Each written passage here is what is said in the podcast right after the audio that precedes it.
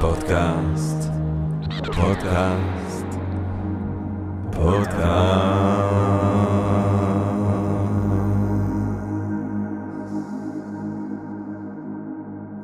טוב, גבירותיי ורבותיי, ברוכות וברוכים הבאים לפודקאסט, הספרים הגדולים של Think and Ring Different והמרכז האקדמי שלם. אני ג'רמי פוגל, ובואו נתחיל ברגע של הודיה על עצם היש, לעצם המציאות הזאת שמאפשרת לנו, למרות הכל, ובהינתן כל אלה, להיפגש כאן למען הרחבת הדעת, העמקת הידע, גירוי ואולי סיפוק הסקחנות, אולי רעיון נשגב, מעורר השחרה, ככה פתאום, סתם ככה בעברית, וכולנו ביחד. אה, טוב, אז פודקאסט הספרים הגדולים של המרכז האקדמי שלם, גבירותיי ורבותיי, המרכז האקדמי שלם בירושלים, יש עיר כזאת, מסתבר, הוא מוסד אקדמי ייחודי לסטודנטים מצטיינים הפועל במודל ה-Liberal Arts בהשחת האוניברסיטאות העילית. ומעניק השכלה רחבה ומעמיקה בנושאים רבים כמו פילוסופיה, היסטוריה, ספרות, מדעים, יהדות, אסלאם, כלכלה ומחשבה חברתית. אה, ובשלם נותנים משקל רב לקריאה של ספרות מופת ולקריאה של ספרים שלמים, מההתחלה ועד הסוף, שימו לב, מהעמוד הראשון עד לאחרון. רעיון קצת יוצא דופן, אה, וגם הפודקאסט הזה כולה אה, מוקדש לספרים הגדולים שלומדים בשלם. אנחנו כאן מצטלמים בסקרינס, יש בינג' אחר סקרינס, עולם שלם של הרצאות. אה, ותכנים אה, מרתקים. Think and Ring Different, הרצאות רטריטים, בואו לאתר שלנו, think and ring different. נקודה קום. טוב, גבירותיי ורבותיי, אנחנו היום מדברים על אחד מהדמויות המשמעותיות ביותר בתרבות המערבית של המאה ה-20, ואני חושב שגם כבר אפשר לומר מהמאה ה-21, ואחד מהתסמינים של השפעה תרבותית גורפת שכזאת, זה כשהשם שלך הופך להיות סוג של שם תואר, או שם עצם. אם אני בא ואני אומר, וואי, הילד הזה איינשטיין, ברור לכולם שאני מתכוון לזה שהילד הזה אה, גאון. אם אני מדבר על סיטואציה פרוידיאנית, אז גם אנחנו נבין למה אני אה, מתכוון. פרויד, אגב, בגאוניותו תרם לפחות שני מילים לאוצר מילים שלנו. גם אם אני אומר, הבוס שלי הוא נורא ענה לי, שזה דבר מאוד מוזר לומר, בעצם לתאר את האופי של הבן אדם לפי אה, טיב היחס שלו לפי הטבעת, זה פרוידיאני לחלוטין. זאת אומרת, אה, פרוידיאני כמילה, ענה לי כמילה, הם דברים שפרויד משאיר אחריו. גם הגיבור שלנו היום בעצם הפך להיות שם תואר, ואני חושב שאין לתרבות האנושית אה, מחמאה גדולה מזו. קפקאי. אה, קפקאי. זאת אומרת, זה לא שלא, אנשים לפני קפקא לא חוו חוויה אה, של אבסורד, חוויה של ניכור, חוויה של חוסר הבנה, הם דברים שהם אה, נוכחים בתרבות האנושית ובחוויה האנושית, אני מניח, מאז תחילת הציוויליזציה שלנו. אבל יש סיטואציה מאוד מסוימת, ואולי עם הנימה המודרנית, האבדון של האדם בתוך הבירוקרטיה המודרנית, ניכור של האדם מול מערכות חסכות דמות אדם, שהוא גורלו של האדם המודרני, שקפקא הצליח אה, לתאר באופן כל כך מזוקק, באופן כל כך מדויק, עד שהשם שלו הופך להיות השם תואר שאיתו אנחנו אה, מדברים כשאנחנו מדברים על אותן מערכות אבסורדיות, בירוקרטיות, קפקאיות. מי היה החבר הזה שלנו, קפקא? אה, למה הכתיבה הזאת שלו אה, כל כך השפיעה וכל כך משמעותית? אה, מה התוכן היהודי ההגותי שבה, על כל אלה ועוד, גבירותיי ורבותיי, אנחנו שמחים, מתגאים ונרגשים לארח כאן את דוקטור אלי שיינפלד, גבירותיי ורבותיי, דוקטור אלי שיינפלד. עכשיו, המקום הזה הולך להתפוצץ, כי יש כאן בעצם שני אנשים מאנטוורפן באותו מקום, אה, שזה דבר יוצא דופן, אה, ב, אה, אני לא יודע איפה. לא באנטוורפן, זה לא יוצא דופן. גם בישראל זה קורה מדי פעם. אבל דוקטור אלי שיינפלד, הוא לא סתם איזה יהודון מאנטוורפן. הוא... מלמד פילוסופיה יהודית ופילוסופיה קונטיננטלית בתוכנית הבינתחומית בפילוסופיה ובהגות יהודית במרכז האקדמי שלם. דוקטור, דוקטור וואי, לא, להבדיל מסיינפלד, שגם יהודי חשוב ויקר. אה, דוקטור שיינפלד הוא uh, עשה תואר ראשון במנהל עסקים ופילוסופיה באוניברסיטת בר אילן. את התואר שני שלו הוא עשה בפילוסופ... בפילוסופיה באוניברסיטה העברית, שם הוא חקר את הגותו של לוינס. גם את הדוקטורט הוא כתב באוניברסיטה העברית בירושלים, שם הוא חקר את הפנומנולוגיה של הוסול, של סארטר, או... סרטר, כמו שאומרים את זה כאן, אה, היידגר, לוינס, אה, אחר כך גם היה אה, תקופות ב-NYU, בניו יורק כמובן, בפילדלפיה.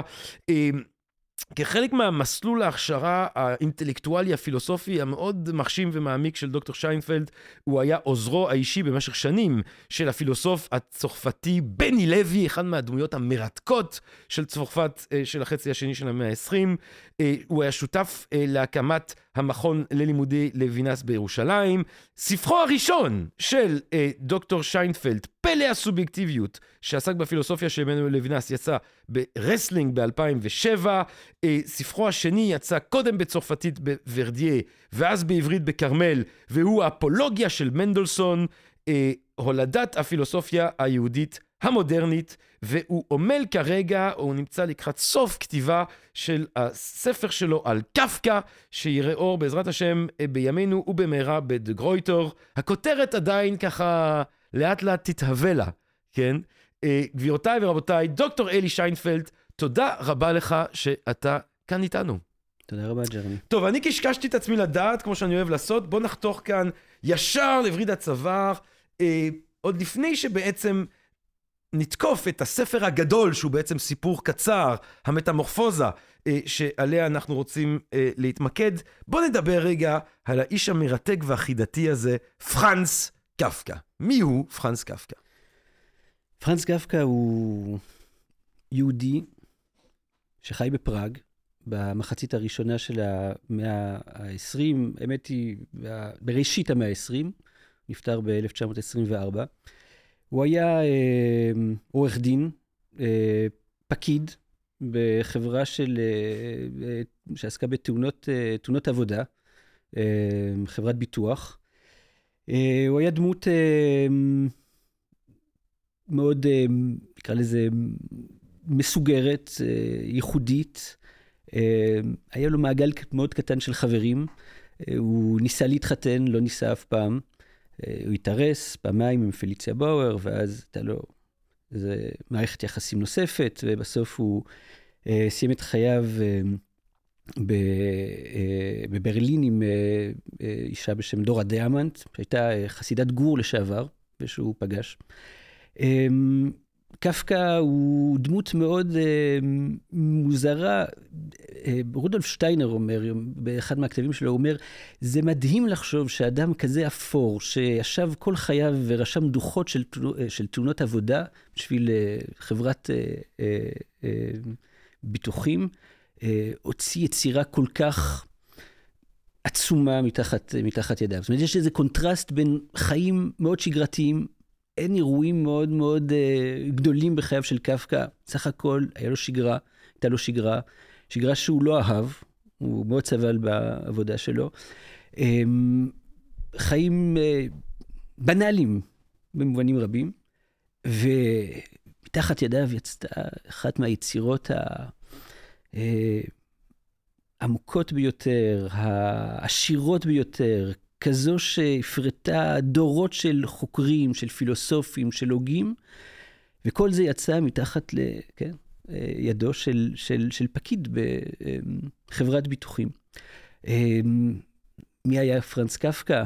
זו גם חידה, hmm. מי היה פרנס קפקא?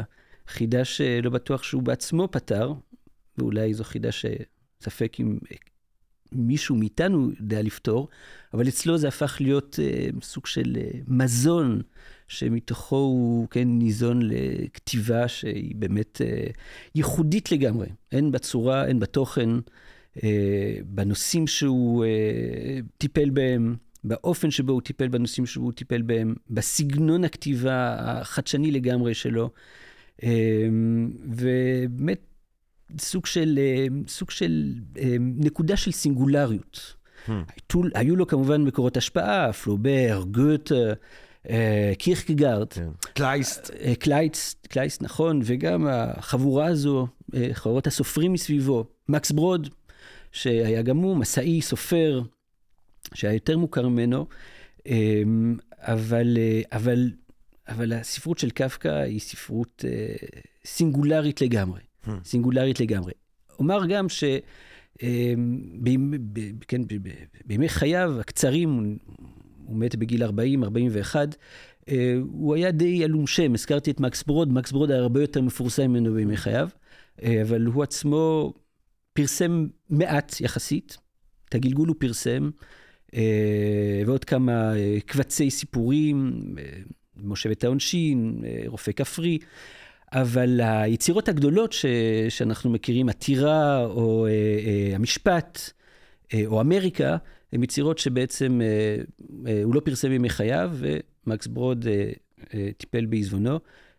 למורת רוחו של קפקא, אולי נזכיר את הפרט הביוגרפי הזה גם, קפקא ציווה לחברו הטוב מקס ברוד לשרוף את כל הכתבים שהוא לא, שלא, שלא פורסמו, כולל היומנים, כולל המכתבים, ומקס ברוד, יש שיאמרו שהוא בגד בחבר שלו, יש שיאמרו שהוא עשה את האקט הנדיב ביותר שהוא יכל לעשות כלפיו.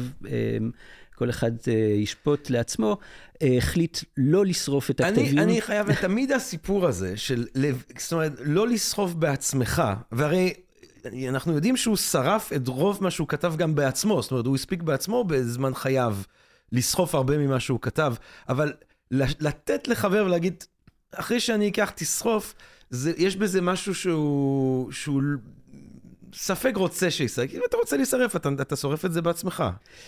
יש כמובן דברים בגו, ומקס ברוד גם מעלה את זה כטענה כן. לזכותו. הוא אומר, גפרור קטן היה מספיק. לגמרי. אז כנראה שאתה יודע, זה כמו אה, אנשים שרוצים להתאבד, והם... אה, כן, תחזיקו אותי. אותי. תחזיק אותי. זה קצת, כן. יש לזה את האפקט של תחזיקו אותי. אמ, מצד שני, מצד שני, קפקא, כמובן מוכר בזכות הספרים שלו, אבל הוא גם מוכר למי שמתעניין קצת יותר מעניין אה, אה, פשוט בספרות שלו, הוא גם מוכר מהיומנים שלו, הוא גם מוכר מחילופי המכתבים שלו עם פליציה באואר, עם, עם, עם מקס ברוד, עם, עם, עם כל החילופים, עם פליקס וולף. המכתב ל, ל, לאבא, שגם אותו הוא אה, התכוון לשלוח לאביו. הוא מסר את המכתב לאימא שלו, ואימא שלו קראה את המכתב, והיא אמרה לו, אולי עדיף שלא תשלח. וככה בעצם זה לא הגיע ליעדו. אמ, אז יש איזה סוג של, אמ, יש איזה סוג של אה, כניסה הרבה מעבר ל, ל, ליצירה של קפקא. כן. עכשיו, אתה תאמר שזה נכון לכל אה, סופר גדול, אנחנו מכירים את היומנים של, אה, אה, של, של, של פלובר ושל, ושל גוטה ושל דוסטויבסקי, אנחנו מכירים, זאת אומרת, יש דברים שהופכים להיות סוג של רשות, רשות הכלל. אבל לאדם שהיה כל כך מינורי, צנוע, קטן, שבאמת לא התכוון שהדברים האלה ייקרו, אה, אה, יש פה איזו אירוניה או משהו יש מפתיע. יש פה גם איזו מורכבות בהתמודדות עם, עם כאילו, עם אוברה, עם, עם, עם גוף של עבודה, שהרבה ממנה הוא לא סגר נעל באיזושהי צורה. זאת אומרת, אנחנו לא יכולים להיות בטוחים לגבי הסדר המדויק של הפחקים במשפט, אנחנו. לא יכולים להיות בטוחים אם פה משהו היה משתנה. באמריקה חסר איזה רגע שרק מוסיף לקסם, אני חייב להגיד שזה אחד מה... אני התרגשתי עד דמעות, אני ממעיט, אני, יש לי מעט רגשות, אבל אמריקה זה ריגש אותי עד דמעות. Mm. כי זה, אני חושב שגם אתה, או כל מהגר לא יכול שלא ממש להבין לליבו של הגיבור שם, שמגיע לאיזשהו מקום ואתה כלום, וזה כל כך חזק, ואנחנו, ו, והפערים, וזה שזה לא סגור, זה חלק מהקפקאיות באיזושהי צורה. שלא לדבר על, על המשפט הבלתי נגמר הזה עם הכמה, אה, עם הניירת שלו, שמקס ברוד השאיר למישהי, שהשאיר למישהי, שעכשיו... זה עוד סיפור, זה כן, המשפט האחרון של, של כן, קפקא. כן. חבר שלי בנימין בלינד כתב ספר שנקרא המשפט האחרון של קפקא, שבו הוא מתאר את כל ההשתלשלות של הפרשה הזאת. זה נגמר, בן, אגב? זה... זה נגמר, זה נגמר. אה, המשפט הוכרע לטובת האוניברסיטה העברית בירושלים. הספרייה הלאומית אה, אה, בישראל, והעיזבון של קפקא בעצם הועבר, והיום הוא נמצא בעצם ב... בספרייה הלאומית, אפשר ללכת, אפשר לראות את ה... כן, יש שם, יש שם, בעיקר מה שמעניין שם זה מחברות, המחברות של קפקא, שבהם הוא מתרגל עברית. כי צריך uh, לדעת uh, שקפקא, החל מ-1914 או 15, מתחיל ללמוד עברית. Hmm. והוא משקיע בזה לא מעט uh, מאמצים. יש לו שלושה uh, מורים. אה, פועה בן אליעזר היא האחרונה שבהם, זו סטודנטית שאוגו ברגמן, שהיה חבר ילדות של קפקא, אה, שולח אה, לפראג. היא, לא, היא הייתה אמורה לבוא, היא, היא באה לפראג ללמוד, והוא אמר לה, לכי לקפקא, הוא רוצה ללמוד עברית, והוא קרא את שכול וכישלון של ברנר, אגב, הוא לא אהב את זה, והוא מתרגל כתיבה בעברית, הוא מבקש מברוד שישלח לו מכתבים בעברית, זאת אומרת, יש, והמחברות האלה, שבהם ממש רואים את התרגולים של, של, של, של, כן, של תלמיד שמעתיק מילים ומתרגם אותם לעברית כתב יד אה, שבאמת מזכיר עולה חדש, אה, שלא יודע איך לכתוב אה, בעברית. גם הכתב יד שלו בגרמנית הוא לא מאוד אלגנטי, כן. אבל... אה, אז זה נמצא היום בספרייה הלאומית. מדהים. כן, כן, כן, כן. מדהים לדמיין גם אה, מה היה קורה אם הוא היה איכשהו, הרי היה לו איזה פליכטות רעיוני באיזשהו שלב לעלות לארץ. אני תמיד, היה לו חלום למלצר בתל אביב, אז תמיד כשהייתי מלצר בתל אביב אמרתי, אני מגשים את החלום של קפקא. כן, אני, חושב שהוא אומר, מדבר על חיפה, אני חושב. על חיפה כן, דווקא? נדמה לי ש... למלצר בחיפה לא הייתי עם רוצה. דור לא. הדיאמנט, עם אותה דור הדיאמנט, הוא אומר, את אה, תנהלי את המסעדה, אני אהיה מלצר ונהיה מאושרים. וזה זה חלק מהתמה הזו, הכל כך אה, אה, מרכזית אצל קפקא, של כן, התשוקה לברוח, התשוקה אה, אה, אה, אה, כן, להתנתק, התשוקה אה, אה, להתנתק מן המשפחה, להתנתק מן העיר, לצאת אל, ה, כן, אל, אל החוץ, להשתחרר. ו... וה, ה, ה, כן, חוסר האפשרות בעצם, אה, הכישלון של, ה, של התשוקה הזו אה, להשתחרר. אה, ובאמת היה, אה, הזכרנו את אורו ברמן, מקס ברוד, שהיה ציוני נלהב, גם עודד אותו בסוף, אה, כל התוכניות האלה עלו בתוהו. אמ, וספק אם הכוונות של קפקא היו אה, כנות, כן. אה, אם הוא באמת התכוון לעלות לארץ. הוא, הוא, יום אחד הוא הסתובב באיזה מעגל של... אה, פראג, פראג הייתה זירה מאוד מאוד תוססת של כן. ציונים. כן. כן, בובר, שהזכרנו, הנאומים כן, של בובר. בדיוק, הנאומים של בובר בפראג. אני לא זוכר אם זה היה ביחס לנאומים של בובר, אבל הוא באיזשהו שלב הזדמן לאחד מהאיסופים האלה, והוא הוא מאוד השתעמם שם, וחזר הביתה מאוכזב. כן. אז אה, שאלת טוב, אבל הציונות, מה כן. שבעצם לוקח אותו בסוף זה, הוא הרבה שנים סובל מטוברקילוסיס. כן, שחפת. כן. משחפת. אה, אם, אם הוא היה, אם ה... טוב, לך תדע איך ההיסטוריה הייתה מתגלגלת, אבל יכול להיות שבאיזשהו שלב הוא היה מגיע לארץ מאילוץ אה, של אה, אה, אה, המשטר הנאצי וכולי. אנחנו יודעים שהאחיות שלו מתו נכון. ב- אה, בטרזנשטט, בלודג'. כן, כן, כן, כן. אה, טוב, אבל הוא לא זכה למלצר אף פעם, לא בחיפה, לא בתל אביב, לא בפתח תקווה. אה, ו- ו- ואני חושב שהסיפור שבו אנחנו מתמקדים היום זה ההפך מהשחרור הזה. זה הכלייה המוחלטת אל תוך הסיוט המשפחתי, אה, וזה הגלגול. אה, מהו הסיפור הקצר הזה, הגלגול? הגלגול הוא בעצם סיפור של גרגור סמסה, שמתעורר בוקר אחד ומגלה שהוא התגלגל לכדי אה, שרץ ענק. זה סיפור שבעצם אה, מסופר בשלושה רגעים, יש בו שלושה, שלוש אה, פרקים, ו... אה, הרומן הקצר הזה נקרא לו, כן, יש ניסיונות של גרגור סמסה בעצם לצאת מהחדר שלו, מהצד השני של החדר יושבים אביו, אמו ואחותו, גרטה. אמ, תוך כדי מגיעים עוד כל מיני דמויות, אה, אה, המנהל שלו מהעבודה, אה, המנקה, המבשלת, בפרק השלישי באים שלושה מבקרים, אבל עיקר הסיפור בעצם בדינמיקה שנוצרת בתוך המשפחה הזו, כאשר בעצם יום אחד, אה, אחד מבני הבית, ולא סתם בן בית, הוא בעצם מפרנס, אה, הוא עובד כסוחר נוסע בחברת, אה, בחברה למסחר בדים, והוא המפרנס היחיד בעצם, בעצם אה, מתעורר בוקר אחד והופך ל- לש- לשרץ ענק. אמ, אז מצד אחד, בעצם כל המשפחה מוצאת את עצמה אה, באיזה מין ברוך גדול, הכל נעצר, אבל בעיקר, כמובן, כן, ההתמודדות פתאום עם, ה- עם המוזרות הזו, עם האחרות הזאת, הרדיקלית. עם הגועל גם. ועם הגועל, נכון, עם הגועל, עם ה... כן, כן. ואז כל אחד מהדמויות האלה, האב, האם והאחות, גרטה, אגב, לאב ולאם אין שמות, השמות היחידים בסיפור זה של גרגור סמסה ו- וגרטה. אה, כל אחד בעצם אה, מתמקם ביחס ל, ל, ליצור ה- הגועלי הזה, כן, ש- שמטפס על הקירות, שמשאיר ריח מאוד לא נעים בחדר, ורוב הזמן הדלת נעולה. במערכה הראשונה, הניסיון של אה, גרגור סמסה הוא לצאת מהחדר. במערכה השנייה יש איזה סוג של כניסה של האחות ושל האם לתוך החדר, ויש פה איזה סוג של טופולוגיה מאוד מאוד אה, ייחודית, של, כן, בית שמרגיש מאוד מאוד חנוק, לא יוצאים ממנו אף פעם, נכנסים ממנו לפעמים. ובמערכה השלישית באים שלושה מבקרים, וגרגור סמסה אה, אה, יוצא מהחדר, שזו סצנה עם הכינור, אולי נדבר על זה בהמשך. ו...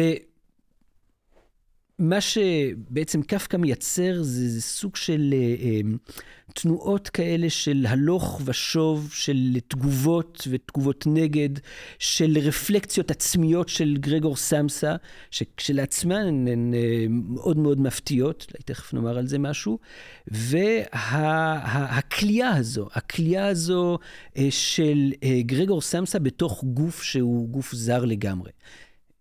גרגור סמסה מתגלגל לתוך גוף של חרק ענק, של שרץ ענק.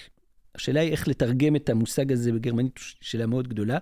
אה, וזה אולי ה, ה, ה, ה, אחד הביטויים של, של, של, של, של ניסיון היציאה הזו, אבל שמתחיל באיזה סוג של כן, כליאה בתוך כליאה. זאת אומרת, אני לא רק uh, כלוא בתוך המשפחה שלי, אלא אני כלוא בתוך החדר שלי ובתוך גוף שהוא לא שלי, אבל עדיין אני מי שאני. וזה אחד האפקטים החזקים שהספר הזה מייצר מההתחלה. קאמי קורא לזה אבסורד, אפשר לדבר על הפנטסטי אצל קפקא, שיש פער בין עולם שהוא לגמרי בנאלי, משפחה שמנהלת כסדרה, לבין מצב שהוא סוריאליסטי לגמרי, כן, ומה בלתי נתפס. אני חושב שבדיוק ככה כל כך חזק בפער בין הסוריאליסטי לפרוזאי, זה שהדאגה די הראשונית, ברגע שאתה מתעורר, הרבה פעמים מדמיינים את זה כג'וק, אבל כמו שאתה אומר, זה באמת שאלה, הוא בעצמו אף פעם לא קורא לזה ג'וק, ליצור הענק הזה, השרץ הזה, אה, זה הדאגה של הפרנסה. זאת אומרת, תוך כמה שניות אני, אוי, אני ג'וק ענק, איך אני מתפרנס? בדיוק, בדיוק. בדיוק, וזה אפקט קפקאי אה, כן, טיפוסי. כן. זאת אומרת, היינו מצפים שהוא ייכנס לאיזה... what the fuck, כאילו, מה, מה, מה, מה עכשיו? מה, מה, בדיוק, כן. היינו מצפים שהוא ייכנס לאיזה בעלה, לאיזה, לאיזה, לאיזה חרדה קיומית עצומה ממה שקרה, אבל, אבל זה עובר לידיו. הוא באיזה שלב אומר, מה קרה לי? ואז, כמו שאמרת, הוא אומר, אה, אבל אני צריך להגיע לעבודה, עוד, כן. אז פספסתי את הרכבת, אז אולי אני אתפוס את הרכבת הבאה. ואת הדאגות הן לגמרי פרוזאיות, כאילו לא קרה, לא קרה כלום, זה עניין טכני לגמרי. כן. לא קרה כלום בעצם. זה גם תחושה, התחושה המאוד משונה הזאת של, שאני גם חושב, אה, שאתה רואה באמריקה, יש שלב באמריקה שהוא, כן, זה סיפור של הגירה לאמריקה, הבן אדם מגיע בספינה, ויש איזה ריב, אז הוא משאיר את המזוודה שלו עם מישהו והוא הולך לטפל בריב. והוא כל הזמן אומר, אבל מה עם המזוודה שלי? יש תמיד אצל קפקא את הגאוניות של היכולת לתפוס את החומר של סיוט, של חלום בלהות. כי באמת בחלום בלהות אתה, אתה באיזושהי סיטואציה ש, שהיית רוצה להתנגד, אתה רוצה איזו מחאה מטאפיזית נגד עצם הסיטואציה, אבל מאיפה אני מתפרנס? זאת אומרת, זה, זה, זה חלק מה, אני חושב, של הגאוניות שלו, לתפוס את הדבר שהופך סיוט לסיוט שאנחנו חולמים אותו.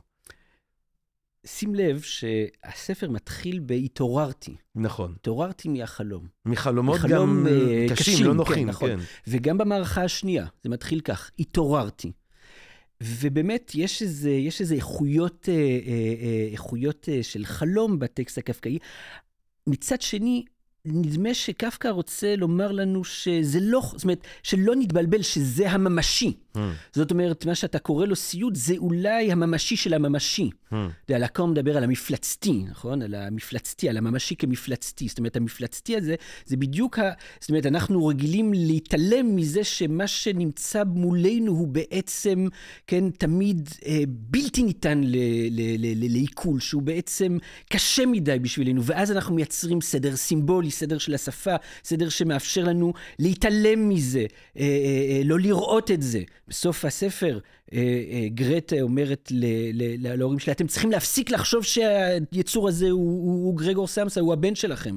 אתם צריכים להפסיק לראות בו את הבן שלכם, אחרת אתם לא תתגברו, יש פה משהו, הממש, זאת אומרת, ו, ופה הקונטרסט הזה בין האפקט הזה של החלום בלהות, של, ה, של, ה, של המצב הסיוטי, אבל שכאן הוא דווקא מנסה במובן מסוים להציג לנו את הממשות כסיוט, מבלי שיתאפשר לנו לברוח מזה שזה לא חלום.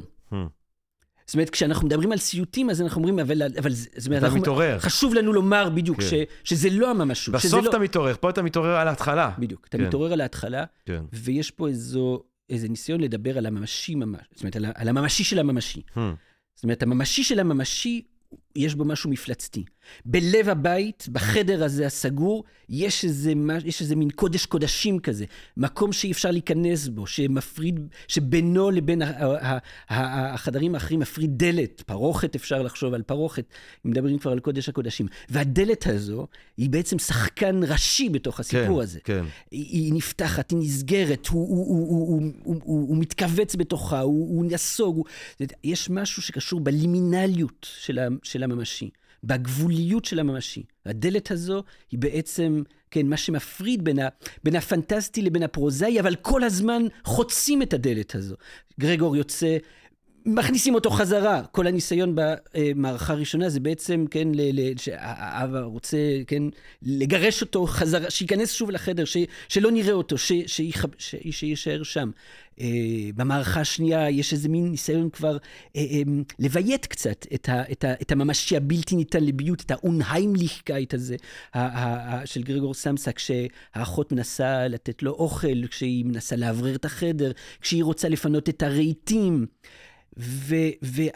והריבוד הזה במציאות שמתרחשת כל כולה בתוך איזה, כן, דירה קטנה עם כמה חדרים, בעצם אולי זה ניסיון גם לומר לנו משהו על הריבוד שבמציאות ממש. וכן, שהוא, שהוא לא, שהוא, שהוא, שהוא, שהוא, שהוא, שהוא, שהוא מתרחש דווקא ברגע ההתעוררות. ואני חושב שגם, ת- אותי תמיד הפליא עד כמה יש אלמנט נבואי כמעט בגלגול, במשפט.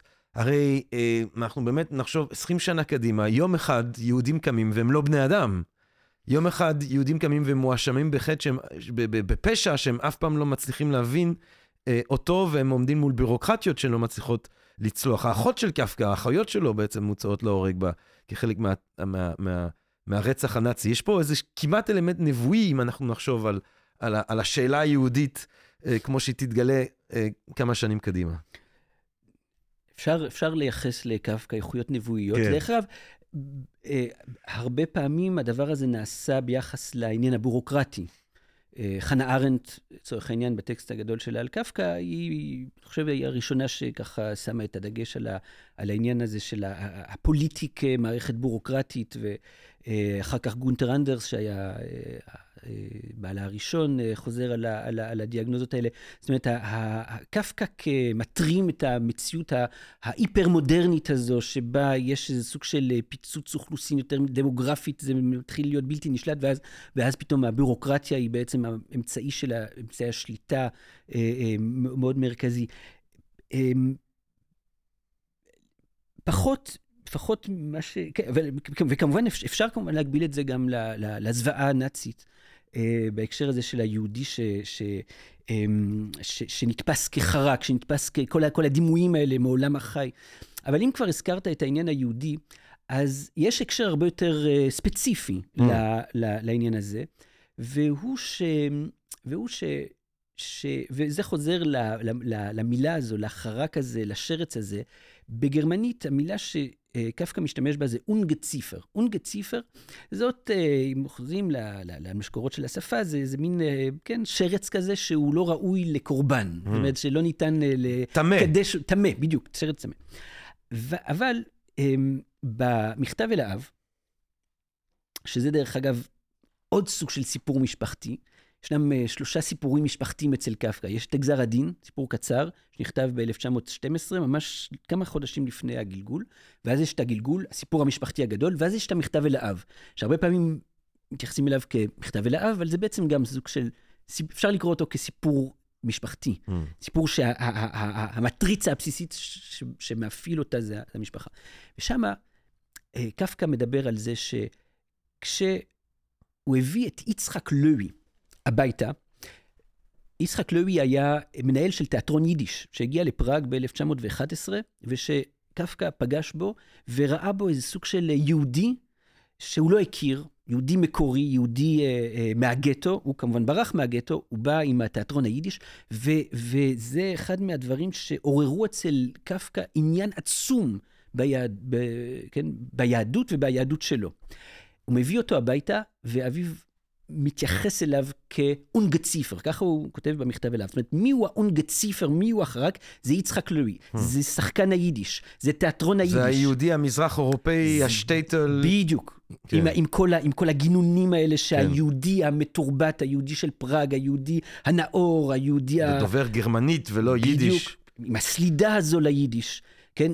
הוא, הוא רוצה להדחיק אותו, הוא רוצה להשתיק אותו, הוא רוצה אה, לא לראות אותו. ואולי הגלגול הוא גם סיפור של אמנציפציה, או של ניסיון של אמנציפציה, של משפחה שפתאום מתגלה ב, ב, שוב, ב, ב, ב, ב, במרכז שלה, כן, את, את העניין הלא נעים הזה, את העניין הדוחה הזה, שהוא העניין היהודי. זאת אומרת, קשור שוב ל, ל, ל, לעניין החי. המטמורפוזה זה שיעור ש, שדולוז וגטרי מלמדים, שני פילוסופים חשובים מהמחצית השנייה של המאה ה-20, שכתבו ספר אה, שנקרא קפקא pour littérature mineure. קפקא, אה, אה, לקראת ספרות מינורית, אני חושב שכך תרגמו את זה ברסלינג. ושם דולוז וגטרי מעירים הערה מאוד יפה, והם אומרים, המטמורפוזה היא מנוגדת למטאפורה. Hmm. זה לא סיפור מטאפורי. סיפור מט, מטאפורה זה בעצם עובד בשני מישורים. מטאפורה זה אה, עובד מישור אחד שהוא, שהוא, שהוא, שהוא אלגורי, נקרא לזה, ואז יש את, ה, יש את הממשות. אם אני אומר שיש לך לב זהב, אז אני משתמש במטאפורה, אני לא מתכוון שיש לך לב מזהב, אלא אני מתכוון לזה שהלב שלך הוא רחב. אבל במישור של, ה, של, ה, של, של הדימויים, אני משתמש ב... עכשיו, אפשר לומר על מישהו שהוא חרק. זה גם, לעשות שימוש מטאפורי במילה הזו. אומרים בלוז וגואטרי, אומרים שמה שקפקא עושה, זה שהם לוקחים את, המטפ... את, המ... את המטאפורה הזו, שקפקא עושה זה, הוא לוקח את המטאפורה הזו, והוא בעצם קורא אותה באופן מילולי לגמרי. Mm. מה יקרה אם אני אספר סיפור שבו לג'רמי פוגל יהיה לב זהב? באמת, הוא יתעורר בוקר עם לב כן, זהב. כן. פתאום זה יהיה מאוד כבד, פתאום כן. הוא יצטרך לדאוג שהוא לא, לא יעלה חלודה, כן. או, או כל מיני דברים, או לא תוכל לעבור דרך מגלי המתכות האלה שיש בכל מקום. זאת אומרת, וזה סוג של אבסורד אחר לגמרי, mm. שהופך את הסיפור לסיפור שהוא לא מטאפורי. ו, ושיש משהו במילוליות, בסגנון הזה, המאוד מאוד, אה, מאוד, וזה אחד החידושים הגדולים מבחינה, מבחינה סגנונית של קפקא. קפקא בעצמו אומר, אני סולד ממטאפורות. מטאפורות הוא דבר שגורם לי להתייאש מן הספרות. Mm. אגב, אני חושב שזה מה שגרם לו לא לאהוב את ברנר, אבל זה, זה, זה סיפור אחר. אמ, עכשיו, אז מי הוא, מי הוא החרק הזה? מי הוא האונגציפר הזה? זה יצחק לואי. אז אב, אב, אביו אומר, כן, הוא, הוא מכנה אותו אונגציפר, אז הנה, עכשיו אני אספר לכם את הסיפור, לא של היהודי שנראה כמו חרק, או שמדמים אותו לחרק, mm. אלא עכשיו הוא באמת חרק. Mm. עכשיו הוא באמת uh, שרץ ענק. עכשיו הוא באמת נמצא שם, ו, ו, ו, ו, ו, וכאשר האספקט האלגורי נפגש עם האספקט הממשי, קורה משהו שבמישור של, ה, של, ה, כן, של, ה, של, של, של הדימויים, הוא, הוא, הוא, הוא אחר לגמרי, הוא אחר לגמרי. הפוטנציאליות הספרותית שעולה מזה היא, היא עצומה. אז, אז ה, ופה ההקשר היהודי, ו, וזה הכל קורה גם בדיוק באותם שנים. 1911, קפקא פוגש בתיאטרון היידיש. ואז הוא הולך אה, לקרוא את פינס, ההיסטואר דו ג'ודאיזם אלמן, והוא הולך, אה, והוא מתעניין בתלמוד פתאום, והוא ממש אה, הופך להיות החבר הכי קרוב של אותו יצחק לואי. שהוא יהודי מהשטטל, הוא מאנטוורפן, הוא, יש לו מבטא יידיש, הוא לא, הוא לא מכיר את, את, את, את, הוא לא מכיר את, את הרדר ואת הולדרלין ואת קלייסט ואת, ואת שלינג ו, כן. ואת, ואת פיכטה ואת כל ה... הוא לא, הוא, הוא לא בא משם, הוא לא בא משם. וקפקא מתעורר והוא אומר, השירה הזו, כש... כשהם אומרים יידיש הקינדרלך, אני, אני מתמלא ברד. זאת אומרת, הוא, הוא, הוא, פתאום, הוא פתאום מגלה שהשפה שלו לא, תש... הוא לא לא, הוא לא יצליח להשתחרר מן, ה, מן הגרמנית שלו, אלא אם כן הוא יהיה מסוגל לחזור לטונליות הזו של, ה, של היידיש, שהיא בעצם תחנת מעבר בדרך אל הטונליות של העברית. דיברנו על העברית כן, של קפקא. כן. זאת אומרת, אפשר לראות את היידיש כאיזה סוג של תחנת מעבר אל, אל השפה של הראשית, אל השפה של המקורות. עכשיו, קפקא לא היה איש דתי כמובן. אה, הוא... כשאתה אומר לא היה איש דתי, אה, לא שומר הלכה, אבל, אבל מאמין, לא מאמין, דתי, איך לא דתי בכלל? טוב שעצרת אותי, כן. טוב שעצרת אותי, כי זה באמת קצת פשטני. אז הכוונה היה, הייתה שהוא לא... לא שומר מצוות. לא שומר מצוות. אמ, אבל מקס ברוד מדבר עליו כקדוש, יכול להיות שהוא אה, הגזים קצת. לפחות הספרות של קפקא, יש לה איכויות תיאולוגיות מובהקות. כן? Mm. זאת אומרת, יש איזה סוג של, יש, יש איזה סוג של מצוקה קיומית שקפקא לא יכול לבטא, אלא אם כן הוא ייבא איזה משהו, זאת אומרת, באופן לגמרי אינטואיטיבי, כן? הוא לא פילוסוף, הוא סופר. זאת אומרת, אצלו הרגישויות הן קיצוניות לממשות, אלא אם כן הוא ייבא איזה משהו שהוא מסדר המוחלט. מסדר הטרנסצנדנטי. אלא שהטרנסצנדנטי הזה, הזה הוא לא מסביר פנים, הטרנס... כן, האחר הגדול הזה, המוחלט הזה, הוא, הוא, הוא, הוא מאיים מאוד, הוא אה, לעולם נשאר שם אה, אה, מאחורי הפרגוד. אה, בספר, בסיפור הזה, לפני השער החוק, כן, יש את השערים האלה האינסופיים אה, וכולי וכולי. אז, אז, אז העולם של קפקא הוא עולם שיש בו מימד, נקרא לזה דתי, אבל בלי שהשם הקדוש, כן, יבוטא אי פעם, לא מדבר אף פעם על אלוהים קפקא. Mm. כמו שהוא אף פעם לא מדבר על, על היהודי. Hmm. המוס, המסמן יהודי לא מופיע בכתבי קפקא בכלל. כאילו אפשר לגעת בו. וקפקא... גם לא במכתבים וביומנים? לא, במכתבים וביומנים המון. כן. המון. אה, המון. אה, אבל בכתיבה שהוא רואה אותה ככתיבה... אה, בספרות. בספרות. אין, אין יהודים בספרות. עכשיו, יש שקל זה ערב, יש, יש סינים, יש ערבים, יש אינדיאנים. אינדיאנים זה יש. לא, ש, זה לא כן. שאין טיפולוגיה של... יש כמובן המון בעלי חיים, זאת אומרת, זה לא שהוא לא יודע... אבל היהודי לא מופיע מעניין. אף פעם. כאילו לא אפשר לכנות אותו בשם. עכשיו, שים לב גם, גם פרקט uh, מעניין. Uh, כשקפקא מפרסם את המטמורפוזה אצל קורט וולף, שהיה המוציא לאור של עיקר הכתבים שלו, אז הוא מגלה שהמאייר, ש... המאייר שאמור לאייר את הספר, הוא מאייר שבספרים קודמים הוא, הוא ייצג את הדמות המרכזית. וקפקא כותב לקורט וולף, רק שלא ייצג את, ה... את החיה. רק כן. שלא יעשה דימוי של החיה. כן. ו... שאני חושב ששם הוא אומר אינסקט. אז ב... הוא לא אומר איזה. בדרישה לא לאייר את ה... את ה... אני לא רוצה לקרוא לו ג'וק, כי, כי זה לא ג'וק. אני, הרי ש... שרץ בעברית זה בעצם, אם אני אומר בצרפתית, אינסקט. מה, מה התרגום המילולי לאינסקט? אז המתרגמים בעברית קוראים לזה ורמין. ורמין. וגם באנגלית, ורמן. כן. ורמין זה... אבל זה שר... שרץ, אני חושב שזה ורמין, נכון? כי אה, יש מילה אחרת, לס... ל... יש מילה זואולוגית בעברית לאינסקט? אה, תאמר לי אתה. דרור, אתה יכול לעשות uh, uh, תרגום של אינסקט? תודה. אמ, אבל זה משהו קצת יותר גנרי. כן. זאת אומרת, זה לא משהו ספציפי. ובתיאורים של... Uh, עכשיו, בתיאורים. בתוך הסיפור אפשר לדמיין איזה סוג של משהו שכן דומה אולי ל... כן, ל... ל... לחרק או לאיזה קקרוץ', איך אומרים? כן. לזה, כן. אבל, אבל, אבל קפקא מאוד uh, מקפיד, זאת אומרת, הוא אומר רק שלא, רק שלא לא שלא יעשו לזה פסל וכל תמונה. ממש. אם להגזים. ממש. כן, לא, לא, וכך בעצם, כן, הדימוי שבסוף אה, מביאים, זאת אומרת, קורט וולף שם הספר, זה, זה, זה, זה איור של, של דמות שמכסה את הפנים ש, שלה מול, מול הדלת הפתוחה. אה, אם, אם קוראים בסיפור, אז כנראה שהוא מייצג כאן בסצנה הראשונה את, ה, את בא הכוח של חברת הביטוח, אה, של חברת הטקסטיל, שהוא בעצם הראשון שמגלה את, ה, את גרגור סמסה, והוא בעצם אה, עושה תנועה של כן, כיסוי עיניים, אבל יכול להיות שזה אביו, אבל אז... האמת זה יפה. מה? זה יפה, זה גם הדלת שדיברת עליה. וזאת הדלת, נכון, אה, זאת הדלת. מה ש... מה ש... מה ש... לא יודע אם הוא אירוני או, או, או מעניין, אבל או, אם תפתח את רוב הכריכות של, ה, של המטמורפוזה בכל מיני שפות, באנגלית ובצרפתית ובפלמית ובאיטלקית וכולי, הרבה מאוד ניסו... הרבה רואים ג'וק. כן. בדיוק, הרבה מאוד... אה, דרור, מה, איזה מילה יש לנו? אה? חרק. חרק. כן. אז... אה, אנחנו יכולים להגיד שזה חרק, לפי הדרישה הזאת, אנחנו לא יכולים להגיד בכלל איזה. איזשהו סוג של... כן. זה סוג של מזיק כזה. מזיק, של, כן, מזיק, אולי מזיק. כן. מזיק זה, זה, זה טוב. זה סוג של מזיק כזה, כן. אבל, אבל, אבל לקפקא מאוד חשוב שלא ייצגו אותו. כן. זאת אומרת, שלא יהיה דימוי, זאת אומרת, משהו, זאת אומרת, זה משהו מונותאיסטי כמעט. Mm-hmm. כן? זה, זה, יש, בזה, יש איזה משהו, חזרה למפלצתי, למוחלט. ו... אבל אתה יודע, אני, זה באמת גם, יש לזה חוכמה, אני חושב גם, תמיד משהו, מה שמאכזב אה, בסרטי אימה, זה הרגע שבו אתה רואה את המפלצת. אז זה מפסיק להיות מפחיד. אתה רואה את המפלצת, אתה מתרגל לאיך שהיא נראית, לאיך שהמכשפה או המפלצת או הפחדי או מי שלא יהיה שמפחיד. ברגע שאתה רואה אותו, אז אתה כבר לא מפחד.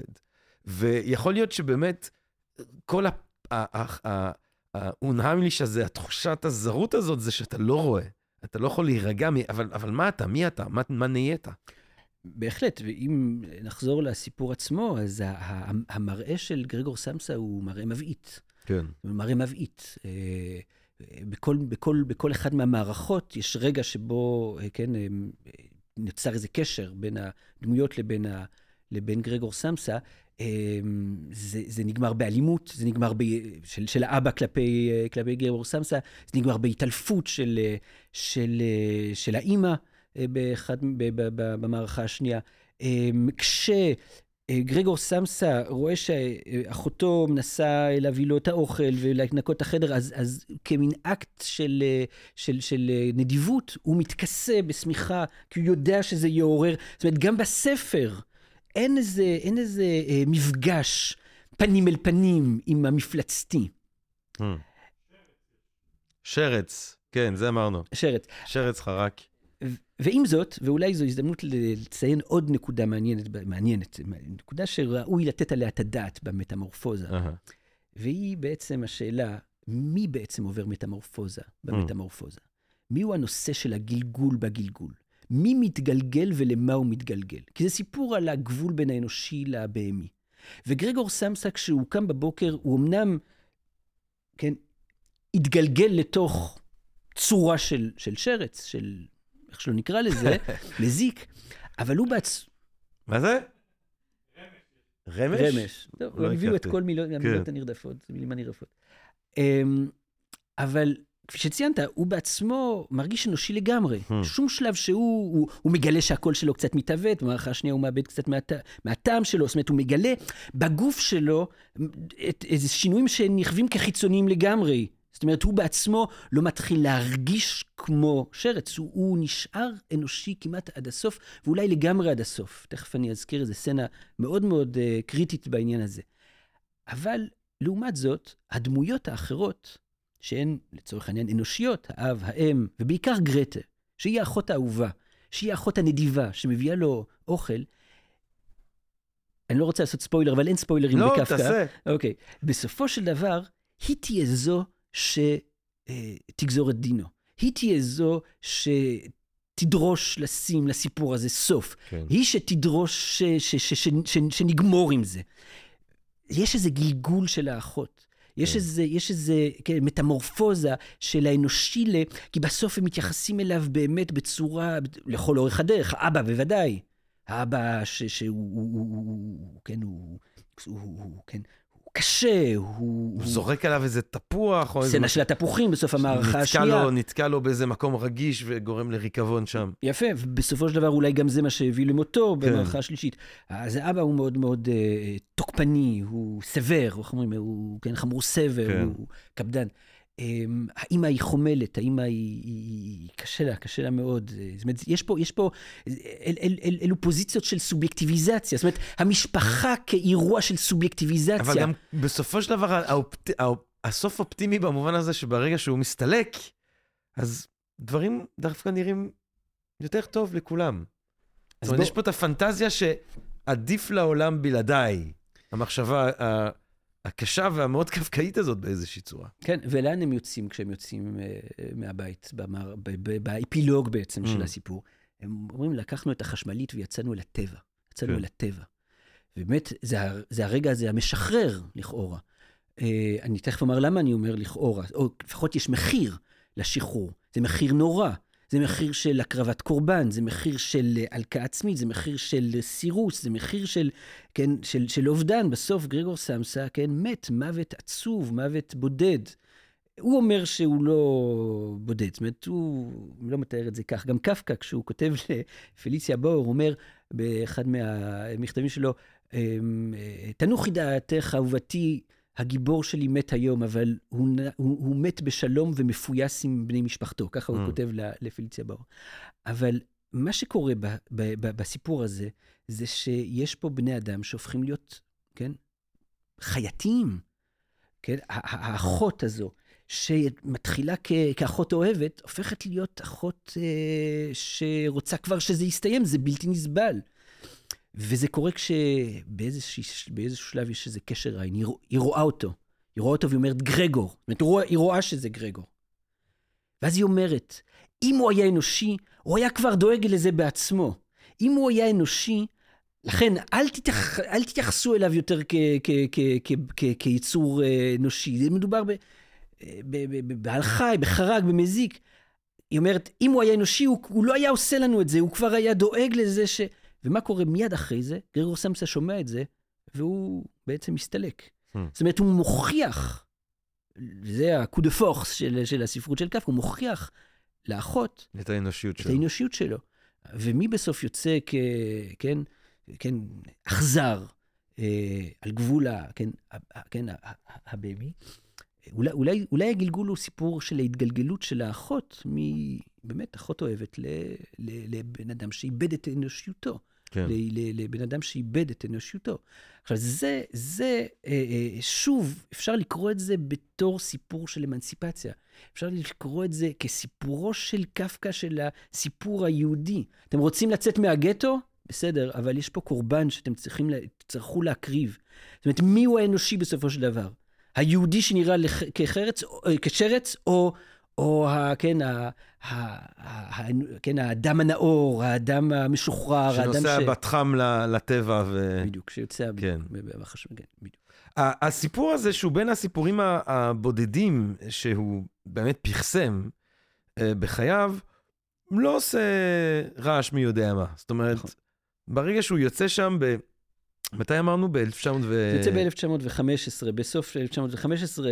אף אחד, אני לא חושב שמישהו היה מהמר שידברו על זה בעברית באיזה פודקאסט של מרכז שלם ב-2023. כן. אה, איך זה בעצם שלכתיבה הזאת של קפקא עוברת תחת הרדאר כשמדובר באמת על יצירות שהן כל כך מקוריות, שהן כתובות באופן כל כך ייחודי? למה רק אחרי המלחמה ואחרי... אה, אה, שדברים אחרים יוצאים לאור, אנשים מסתכלים אחורה. איך זה שבזמן אמת דבר כזה יכול לגמרי ללכת לאיבוד? שאלה גדולה, אתה יודע, זו שאלת, כן. זה שאלת ואן גוך. כן, או ניטשה, או ניטשה עד השלב, אבל ניטשה זה קורה מהר יותר. אנחנו, לא, גם ניטשה לא, לא קוראים אותו, לא קוראים אותו. לא, קוראים לא, אותו אבל לא קוראים אותו בעודו אה, שפוי, אבל נגיד בשנות בשנות ה-90 של המאה ה-19 כבר מתחילים לשים לב. זאת אומרת, כן, בראשית המאה. פה זה 30 שנה ממש של... אז פה זו שאלה גדולה. מתי, זאת אומרת, יש קוראים שקוראים אותו כבר בשנות ה-20. Hmm. למשל, אה, גרשום שולם וולטר בנימין. Hmm. מנהלים, אה, מנהלים אה, חילופי מכתבים, חילופי מכתבים העמוקים ביותר, סביב שאלות גדולות של, כן, ש, כן, תיאולוגיות גדולות. לגרשום שולם יש את הביטוי הזה שקפקא, העולם של קפקא זה העולם של הניס דר אופנברונג, העין של ההתגלות. הוא, ווולטר בנימין שכותב אה, אה, מאמר מאוד מאוד, אה, אחד מהמאמרים שעד היום, אני חושב שהוא באמת, קשה להשוות אותו למאמרים אחרים, עשר שנים אחרי מותו של קפקא. מקס ברוד מאוד מאוד פעיל, לא, מוציא את הספרים שלו די מהר. אפילו פרנץ רוזנצוויג קורא את הטירה. Hmm. הוא כותב על, הוא כותב על קפקא. אה, בסוף חייו, אחת מהכניסות מהיום, האחרונות ביומן של, של קפקא, אומר, מי שכתב את התורה, חשב על אלוהים כמו, ש... כנראה חשב על אלוהים כמו שקפקא חשב על אלוהים. ואז אומר, מעניין. בגלל זה הספרים שלו הם כל כך לא נעימים לקריאה. כי זה היה לה נורא באיזושהי צורה באמת. הוא הרגיש איכויות תיאולוגיות, כן. הוא הרגיש איכויות מקראיות בטקסט הזה. כן. עכשיו, אדם... בשק, בשקט. אמ, אז יש, יש, איזה, יש, איזה, יש איזה מעגלים של קוראים של קפקא. אז זה בעצם מוביל אותנו אולי לשאלה ש, שאני חושב שדווקא אתה ב, בעמדה אה, לענות עליה באופן המעניין ביותר. מה, למה בעצם הסופר הזה שכותב, אתה יודע, אבסורד, פנטסטי, מאוד סופר, זאת אומרת, מאוד רגיש לדקויות של החיים האנושיים, לתנועות, מדבר פעם על, אתה יודע, לשים את היד על ה... על, ה, על המצח, על הדקויות של הכניסה בדלת, הדלת שהופכת לעניין, זאת אומרת, סופר שהוא מאוד ספרות ולא פילוסופיה באיזושהי צורה, לא הפשטות, לא רעיונות, לא כמו אצל סופרים אחרים שיש חלקים שלמים של מה שהם כותבים, שזה ממש טקסט פילוסופי, אני חושב על דוסטויסקי, על אה, טולסטוי, שחלק ממה שהם כותבים זה ממש, אתה יכול לקחת copy-paste ויש לך איזשהו uh, מסכת פילוסופית מסוימת. הסופר הכל כך ספרותי ולכאורה כל כך לא פילוסופי הזה, הוא כל כך פופולרי uh, בקרב פילוסופים, בקרב הגות פילוסופית במאה ה-20, הגות יהודית ספציפית במאה ה-20. מה, מה, ה... מה מושך את הפילוסופים שוב ושוב ושוב ושוב דווקא לקפקא? זו שאלה עצומה, זו שאלה שקשורה ליחס בין ספרות ופילוסופיה בכלל, וזה מקרה פרטי שהוא מקרה פרטי באמת ייחודי לגמרי. אמ, אני חושב על מה ששרה, שאין אין, אין, אין סופר, אה, אה, אין, אין שני לקפקא, באמת בהשראה שהוא השרה על, על, על פילוסופים. הזכרנו כבר קאמו, סארטר, דולוז, אה, דרידה, אגמבן, באמת, באמת הרשימה היא מאוד מאוד ארוכה של הוגים שראו בטקסט הזה איזה סוג של טקסט שמתייחסים אליו, קוראים אותו. אה, מפרשים אותו, לא תמיד באותה מידה של, אה, ש, ש, ש, אה, כמובן, חנה ארנדט ואסכולת פרנקפורט והחבורה הזו שהייתה גם קשורה אליו, אלתר בנימין וכדומה. זו, ש, זו שאלה, זו שאלה ש, ש, שהיא בעיניי קשורה ליחס בין פילוסופיה וספרות, ואולי זה קשור למה שהזכרנו לפני רגע, אה, בהקשר הזה של האיכויות המקראיות של, של, של הטקסט הקפקאי. הפילוסופים הם, לא, לעולם לא היו זרים לטקסטים, נקרא להם בעלי איכויות ספרותיות. תחשוב על הפילוסופיה בעת העתיקה, כן, המיתוס הוא חלק מהותי מתוך המחשבה הפילוסופית. זאת אומרת, כשמבחינים את ההבחנה הקצת גסה בין לוגוס למיתוס, כן, מתעלמים מזה שפותחים את אפלטון ופוגשים ב... כן. הומרוס על שמאל ועל ימין. בדיוק, הומרוס כן. והתיאגוניות, זאת אומרת, ולא כאיזה קישוט, אלא ודובר כן. על זה רבות. שלא ו... לדבר על מיתולוגיה של אפלטון עצמו. שלא לדבר על המיתולוגיות של אפלטון עצמו, בהחלט.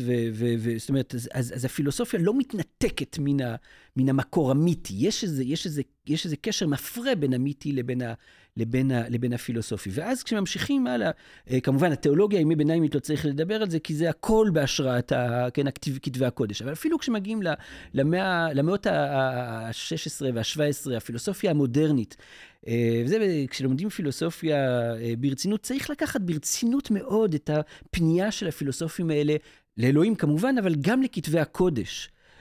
כשדיקארט, אני מדלג על שפינוזה כי הוא מקרה ייחודי, אבל כשלייבניץ מצטט מכתבי הקודש, הוא לא מצטט מכתבי הקודש כדי להביא לאמירות שלו איזה גושפנקה, אוטוריטה תיאולוגית. זה מתפקד בצורה מסוימת. הטקסט, נקרא לזה תיאולוגי, אה, אה, מקראי ספרותי, כן, הוא, הוא, הוא, הוא, הוא, הוא, הוא משתתף בתוך, ה, בתוך הלוגוס mm. בצורה כזו או אחרת. Mm. אפילו קאנט, כן, בעיקר בספר האחרון, בספר על, ה, על הדת, כן? זאת אומרת, ה, ה, השילוב של, של, של, של, של התיאולוגומנה הפאולינית בתוך, בתוך הסיפור, ו, ו, וככה, וככה, הזכרנו את ניטשה, כן?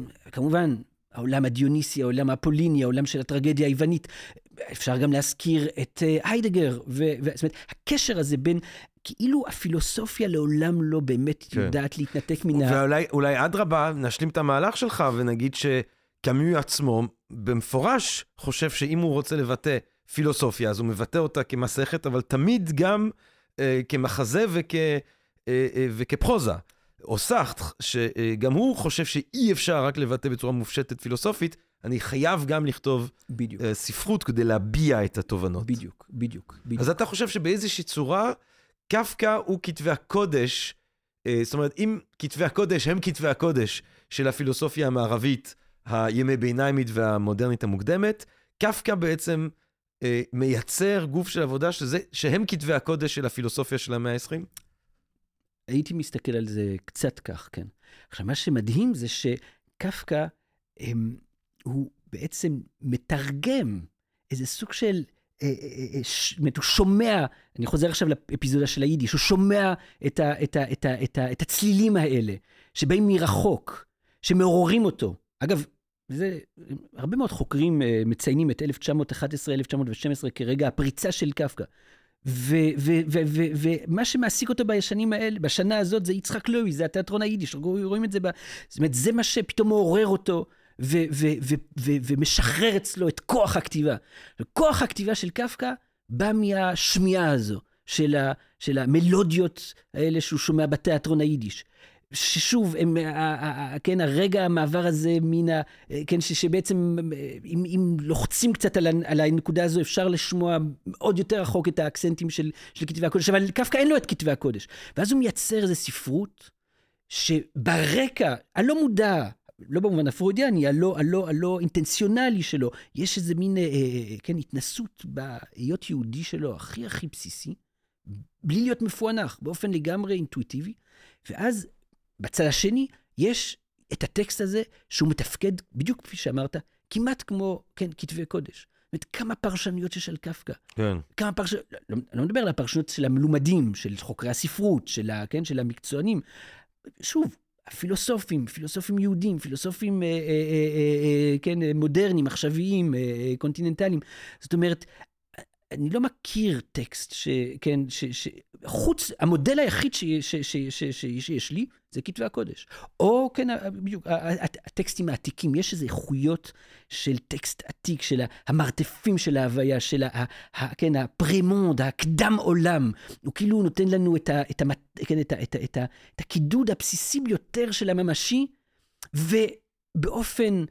אה, אה, אולי לא מפתיע, אולי מפתיע ואולי לא מפתיע, תלוי איך מסתכלים על זה, זה לא יכול להינתן כטקסט פילוסופי. זאת אומרת, בגלל שהממשי לא ניתן בלוגוס, בגלל שהממשי לא ניתן במלואו ב, ב, ב, ב, ב, במערכת הדיסקורסיבית, חייב להיות איזה טקסט שאומר את הדברים באופן בלתי אמצעי.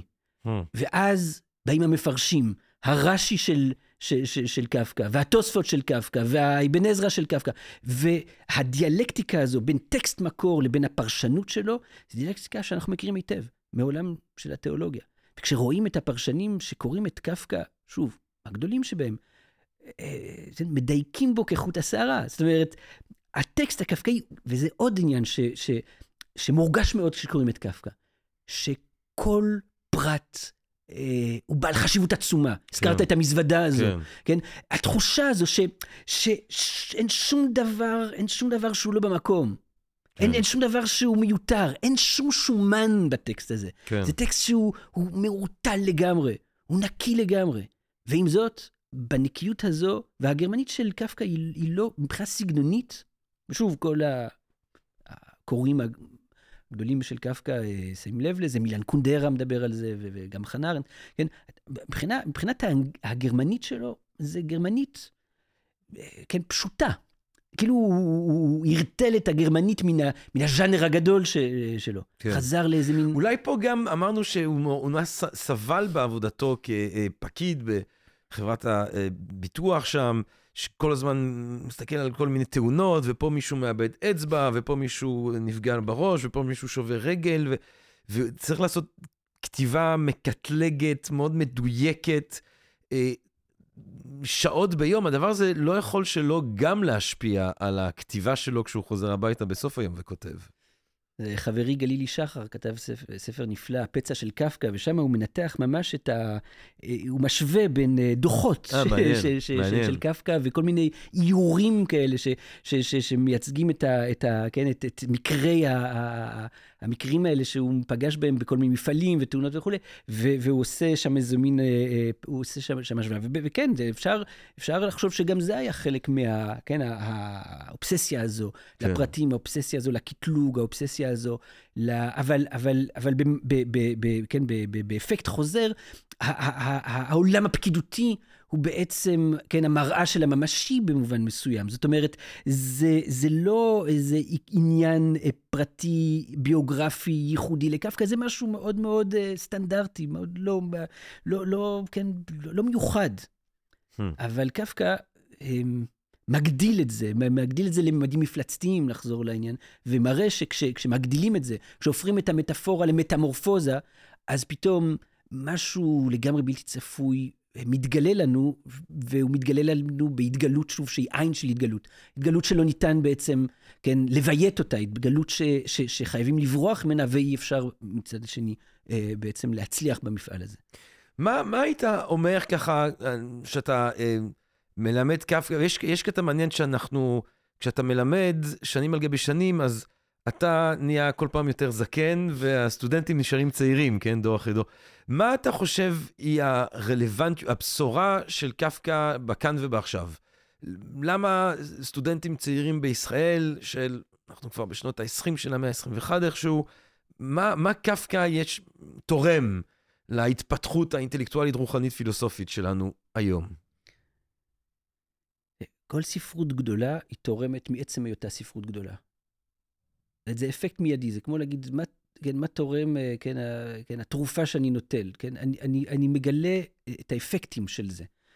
אני נהיה יותר uh, חד עין. אני, אני, אני רואה את המציאות אחרת. Uh, זה עבודה שהיא לעומק, זה לא עבודה שהיא על פני השטח. כמובן, אפשר, שוב, להזכיר, ואלו לא פרשנויות שטחיות, שלא תבין אותי לא נכון, את הקריאות האלה בקפקא שמתארות אותו כנביא המודרנה, נביא הביורוקרטיה, כן, כן ההתהלכות האינסופית הזו בין מזרדרוני בתי המשפט וההתפתלויות ו, כן. וכולי וכולי. אפשר, ו, ו, וזה כמובן תופס צד בקפקא, ויש כל כך הרבה צדדים וכולי. אם אתה שואל אותי, הייתי, אני חושב שקפקא הוא עושה פעולה של עומק. הוא עושה פעולה שכל ספרות גדולה עושה, רק שבדרך כלל האפקט הזה הוא אסתטי. אבל אצל קפקא אסתטי, זאת אומרת, יש איזה משהו נעים, כן, היפה, הנשגב, אצל קאנט, כן, ה, אה, אה, יש איזה, וזה המודרניזם של קפקא. שוב, תפיסה קצת פשטנית של הספרות להגיד שזה תמיד מנעים, זה לא תמיד מנעים, אבל, אבל אם, אם נשאיר, נשאר ברובד הזה, יש משהו, מי שמוכן להתמסר לספרות הלא נעימה הזו, מי שמוכן, אה, אה, אה, כן, לקרוא את הטקסט הזה הלא סימפטי, כמו, ש, כמו שרוזנצוויג אומר, לכן לא נעים לקרוא אותו. Mm. כן, הוא יגלה שהוא יוצא מהטקסט הזה אחרת מכפי שהוא נכנס אליו. המטמורפוזה הפעם היא על הקורא עצמו. Mm. עכשיו, אין דבר יותר, אה, יותר חשוב לישראלי של המאה ה-21, ולא רק לישראלי של המאה ה-21, כן, לפגוש ב, אולי בטקסט שעוצר אותך לרגע.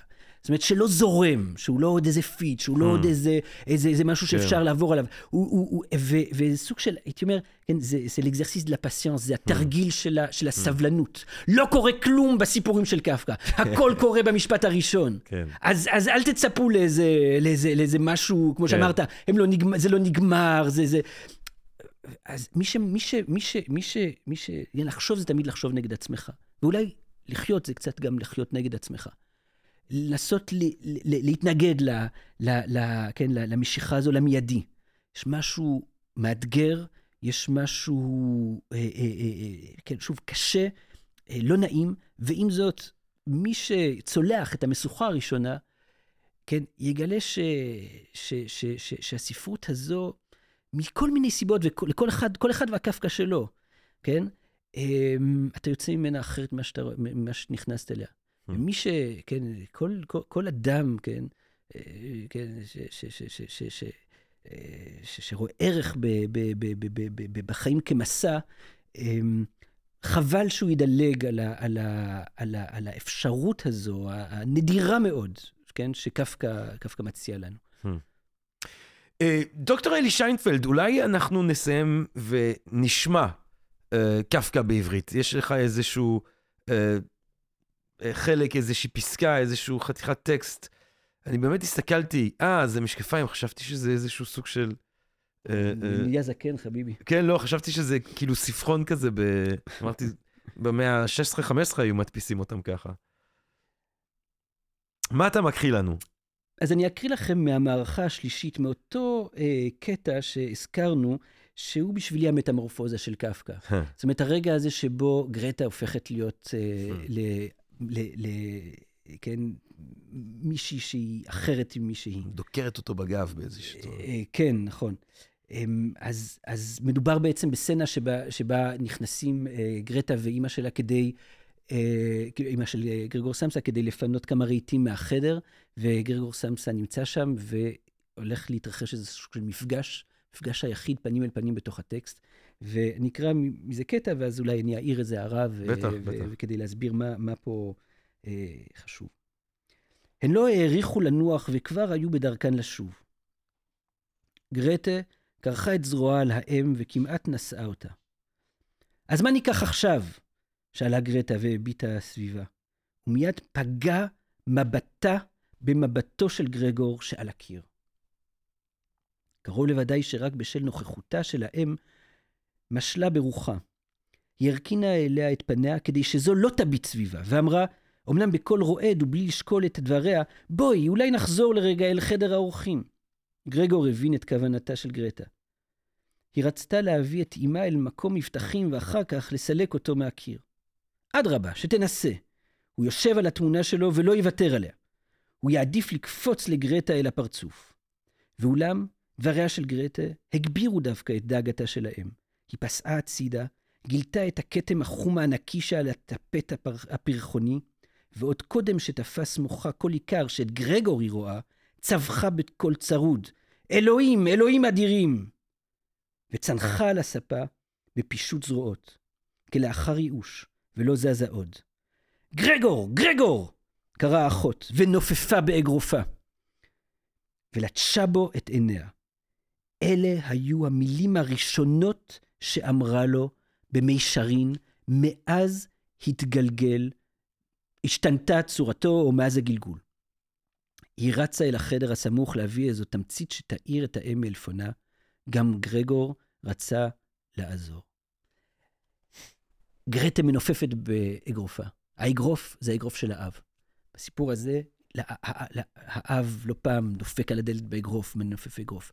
הגרטה כאן פוגשת במבטו של גרגור, היא רואה שזה גרגור, היא אומרת גרגור, גרגור, אבל היא בעצם מתהפכת. היא מתגלגלת. וזה תחילת הגלגול בעצם של גרטה ולא של גרגור סמסה. Hmm. דוקטור אלי שיינפלד, אה, תודה רבה לך שבאת וככה שיתפת אותנו אה, במחשבות שהן גם מחשבות חיות כרגע, היות ואתה אה, עמל ממש בתקופה הזאת, בימים אלה, בספר שלך על קפקא, אז ככה אנחנו מקבלים אותם טריים, כן? כמו הגאטו דה קליינבלט שדיברנו בתחילה. אנחנו מקבלים פה זיכרונות מאנטפרפן, גבירותיי ורבותיי. אנחנו מקבלים פה את המחשבות שלך בטריותם, אה, אה, וזה תענוג גדול, ומרגישים את ה... מרגישים שהם, שזה מחשבה חיה שאתה אה, משתף אותנו בה. אז תודה רבה לך שהיית כאן איתנו בפודקאסט של הספרים הגדולים של המרכז האקדמי שלם, כאן בסקרינס, עם Think and Read Different, יש משולש קדוש, יש כמו שהמשולש של רוזנצוויג סוג של... אני רוצה להודות לכם, לקהל הקדוש שלנו בפודקאסט של הספרים הגדולים. מקווה מאוד שנהנתם מהפרק הזה, מהפרקים שכבר הקלטנו, מאלה שבעזרת השם נמשיך ונקליט. מה אני אגיד לכם בינתיים? אה, תתגלגלו אה, לכיוונים מסוימים, אולי, ש... אה, אולי אפשר אבל לא להתגלגל לכיוון של הלא אנושי, כן? העניין הזה של העצירה, איך אומר קירקגרד, לפעמים צריך לדעת לעצור, אז לעצור באנושי, אם אפשר, להתגלגל אה, ליצורים אה, נשגבים, אם אה, אין ברירה אחרת. אה, ואני מאחל לכם אה, רק בריאות, רק אהבה רבה, ונשתמע. תודה רבה. פודקאסט, פודקאסט, פודקאסט.